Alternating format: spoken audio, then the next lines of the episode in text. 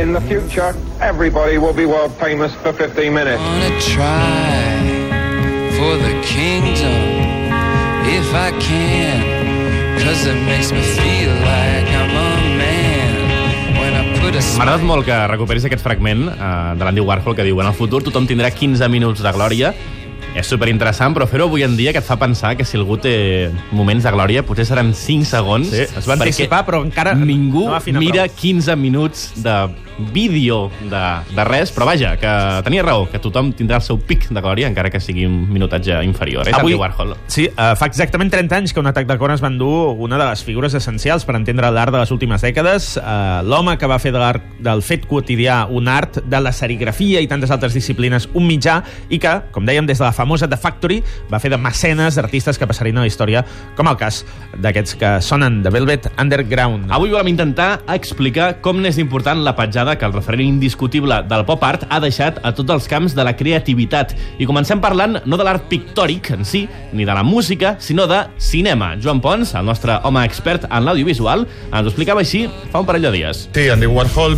feia art en cinema també, o sigui, sí. fil filmava 8 hores de l'Empire State. Aquest és el seu hit, no?, com a cineasta. Bueno, ja té Sleep, Sleep. Sleep, que és... Un tio dormint. Un tio John, dormint. John Giorno dormint, per cert. i produïa també moltes pel·lícules, les de Paul Morrissey, tipus Flash, que és la portada del primer disc dels Smiths, el Sí. Joe d'Alessandro. Molta presència en el que seria el cinema d'avantguarda dels 60. També té filmat un concert de la Velvet, eh, de 70 minuts, sí. eh, 80 minuts, amb un sol pla. Una cosa era la faceta de Warhol com a, com a cineasta i l'altra com a personatge, o sigui, era un personatge de la cultura popular, la cultura pop, que a ell tant li agradava, que sovint les pel·lícules han recuperat i han buscat actors que facin d'ell. Uh, llavors, per exemple, Jared Harris, que era el primer que hem escoltat en un tall de la pel·lícula, jo vaig disparar Andy Warhol, eh, i és una mica el cànon de com ha sortit representat eh, Andy Warhol a les pel·lícules, com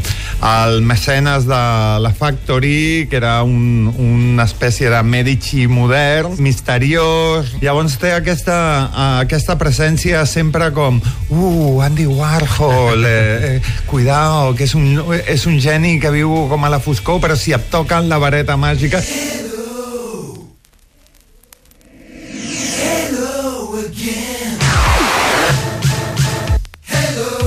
Jo era petit, a la televisió hi havia minuts musicals quan quedava un forat entre programa i programa i posaven videoclips. I un dels habituals era Hello Again dels Cars.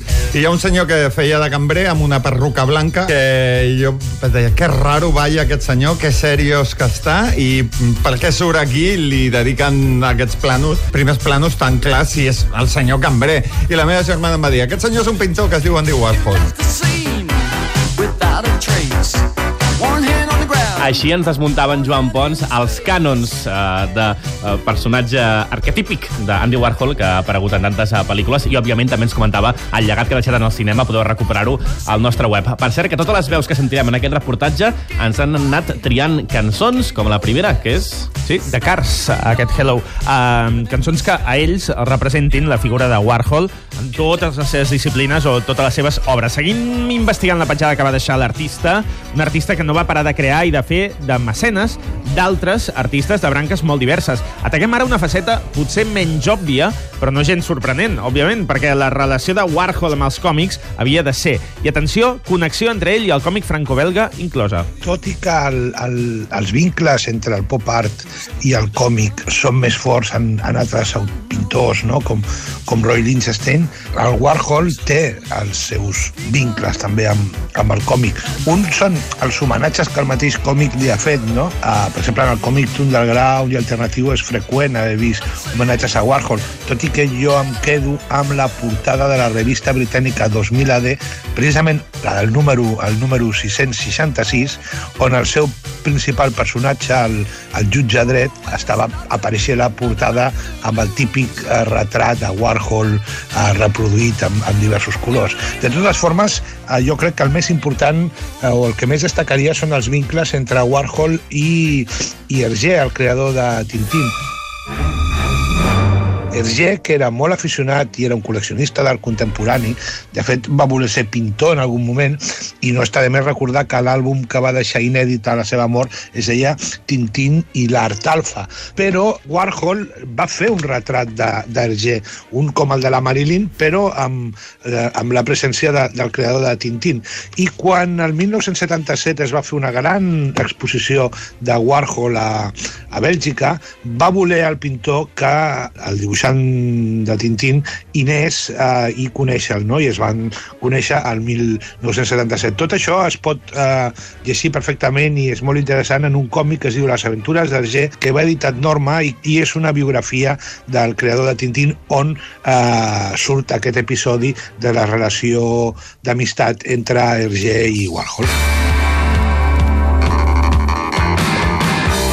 Que suposo que les cançons de David Bowie o Velvet Underground ja deuen estar agafades, em surto per una variant i la meva elecció és la cançó dels XTC This is Pop. Per què?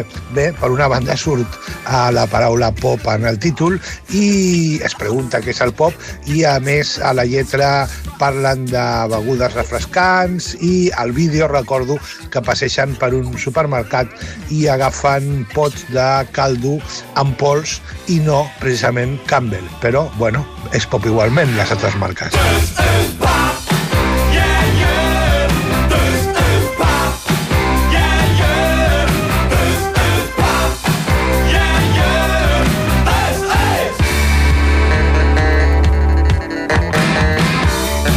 Deixem el cinema i els còmics i anem directament al món de l'art pictòric. Ho fem amb Sergio Mora, un pintor barceloní conegut com a gran referent del surrealisme pop espanyol, una corrent que connecta amb molts mons artístics diferents, entre ells, òbviament, el pop art. Warhol fue sin duda un gran artista de sombra alargada. Más allá de que te guste o no te guste, su influencia está en cosas de las que ni siquiera somos conscientes. Él predijo, dijo esa frase de en el futuro todo el mundo será famoso durante 15 minutos y ya se anticipaba a los reality shows, la prensa amarilla y lo que estamos viviendo hoy con el boom de las redes sociales.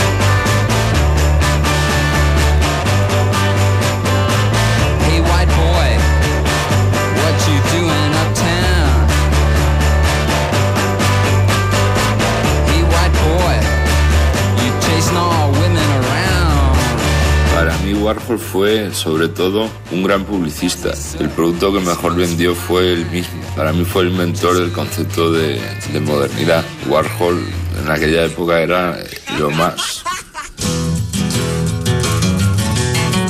Cuando pensamos en Warhol no podemos evitar relacionarlo con la Velvet Underground y su famosa portada del plátano. Ese disco es genial y sin él seguramente no existirían grupos como los Pixies o Sonic Youth o Nirvana, pero si tengo que elegir una canción relacionada con Warhol, me quedo con la que le dedicó David Bowie, titulada precisamente Andy Warhol. Es una canción muy extraña que suena incluso un poco como medieval o celta. Y bueno, Bowie hizo de Andy Warhol en la película de Basquiat de Julian Schnabel, que también tienen relación por ahí.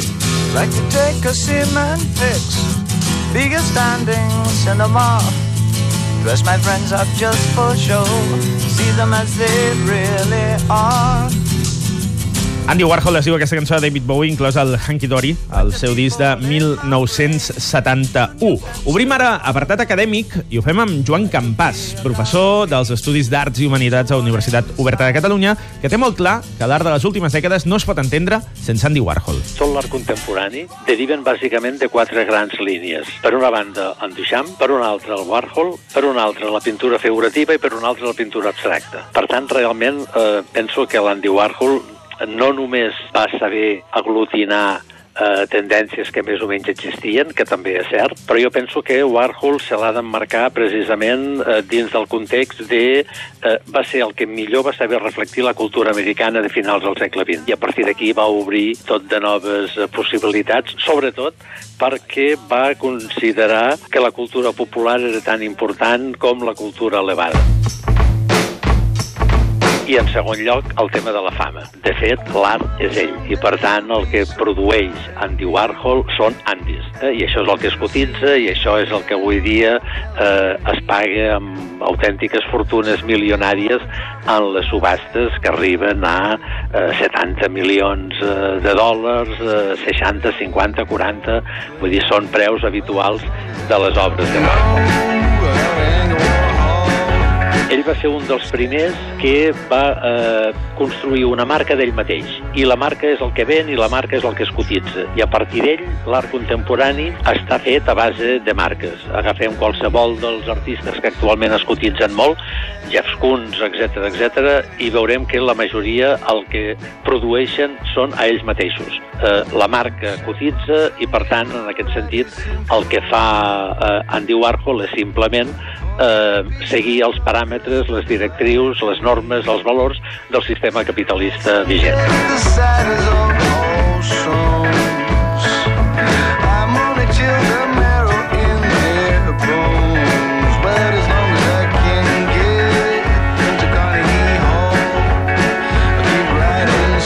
Nostre últim protagonista és un dels artistes catalans amb més projecció de les últimes 5 dècades. Ha desenvolupat l'objecte, el cerimonial, les intervencions en les- l'espai públic i també ha desenvolupat el menjar. Sí, parlem d'Antoni Miralda, artista terrassenc que el 1984 va obrir al barri de Tribeca de Nova York l'International Tapas Bar and Restaurant. Era un espai gastronòmic i artístic, no era un restaurant, era un espai eh, que funcionava com un tot i per on hi van passar grans figures de l'art, entre elles, òbviament, estem parlant avui del mateix Andy Warhol. A veure, el restaurant, que no era un restaurant, sinó que era una proposta oberta d'un espai eh, en el qual se servia per primera vegada als Estats Units eh, com a especialitat de la casa les tapes.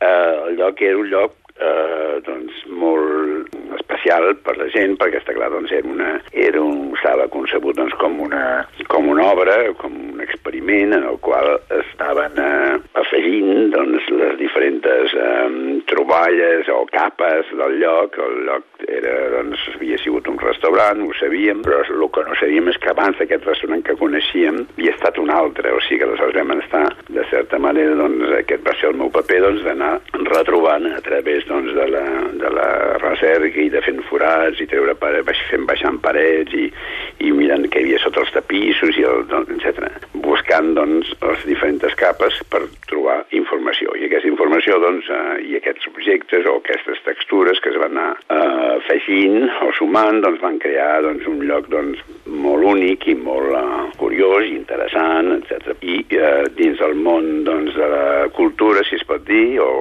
també del glamour, eh, doncs ràpidament es va saber i al cap de, de, pocs, de pocs mesos, molt pocs mesos, van començar a aparèixer doncs, personatges interessants i doncs una d'aquestes nits va venir la- l'Andy Warhol i amb el Basquiat, van venir junts.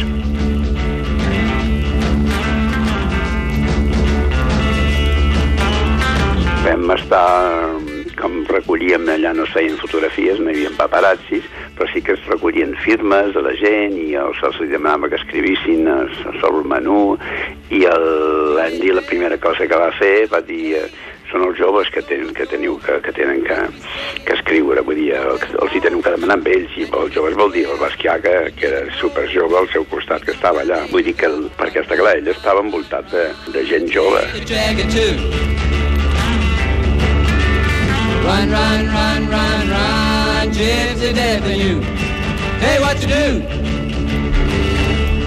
Ara volem saber, segons el mateix Antoni Miralda, quins camins va obrir Warhol per les següents generacions d'artistes. És a dir, que d'aquí uns anys, ara de fet Warhol òbviament ja figura en els llibres d'història de l'art, però d'aquí molts, molts anys, segles fins i tot, eh, de quina manera es parlarà Warhol? D'un pioner en el eh, seu art, d'un eh, un home que va obrir camins per generacions posteriors? Això és el que ens diu Antoni Miralda. Els camins estaven quasi tots eh, encetats, eh, es havien, es havien percebut, es havien eh, marcat, alguns estaven oberts, vull dir, dins el món de l'art, eh, si una persona va començar a obrir camins és el Marcel Duchamp i d'altres. hm? Warhol eh, el que fa és, d'una manera brillant, connectar hm, la quotidianitat, connectar el que tothom pot arribar a sentir-se i a viure i, i aquest desig de, de, del, del, del dia a dia i del, del, de voler ser un, de poder ser només per un dia, si vols, doncs, el personatge que tu voldries ser la teva vida d'una manera, diguem-li, molt uh, sistemàtica, que és per això doncs, que és interessantíssim, o sigui, mecanitzar, mecanitzar aquests sistemes, diguem-li, de, de, de captar la, la, la, la quotidianitat, la, la iconografia, la, la, la, la premsa, el, el dia a dia, el, el, el, el succés, el, el, que ha passat. Sunday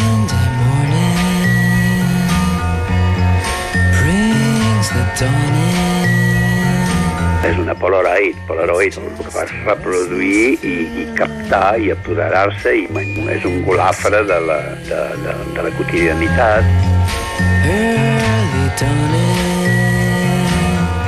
I finalment, Antoni Miralda, volem que ens punxis una cançó que et connecti amb Warhol i clar, ell, que és un home que ha viscut tant, tantes dècades de trajectòria... I que va conèixer. I que el va conèixer, no ens tria un tema que té el vinil a casa, sinó, que segurament el té, sinó un tema que el van tocar en directe al seu local de Nova York. A, a mi em connecta més amb l'Urrit perquè doncs, també doncs, l'Urrit va, va estar també eh, va passar també per allà per, per l'internacional després i hi va haver com, eh, hi va haver com més contacte ell va interpretar davant del, del, del, la performance era sobre la quin era rapper original rapper I was sitting home on the West End watching KTV with a female friend. We were watching the news, the world's in a mess. Poor and the hungry world in distress. Herbies and AIDS, the Middle East full throttle with. Check that sauce before you put it in the waffle. And while you're at it, check what's in the batter. Make sure the king is the original rapper. Doncs aquest Original Rapper és el uh, tema del Lou Reed, aquí enregistrat en disc, però si cerqueu per internet veureu com ell el va interpretar en persona al Tapas, el, es deia exactament uh, International, no, Internacional Tapas Bar and Restaurant, aquest espai gastronòmic i artístic que va obrir Antoni Miralda al uh, barri de Tribeca de Nova York. Ha estat un plaer parlar amb... Manhattan Sud. Sí, senyor. Ha estat un plaer parlar amb Miralda i dir-vos que hem parlat de moltes més coses, que l'entrevista que vam gravar també l'aprofitarem per recomanar-vos i molt l'exposició que fins al 9 d'abril teniu al MACBA, al eh, Museu d'Art Contemporani a Barcelona. L'expo es diu Miralda Made in USA i recupera els projectes de l'artista vinculats als Estats Units. Tots els projectes. Això és molts anys d'art art condensats en una sola exposició al Museu d'Art Contemporani a Barcelona. En parlarem en els eh, propers dies i també us anirem llançant tots els actes commemoratius d'aquests 30 anys de la mort d'Andy Warhol que se celebren a molts llocs. Un oient fa una estona en recordava que n'hi havia una a l'Hospitalet i tants altres que s'aniran succeint al llarg dels dies.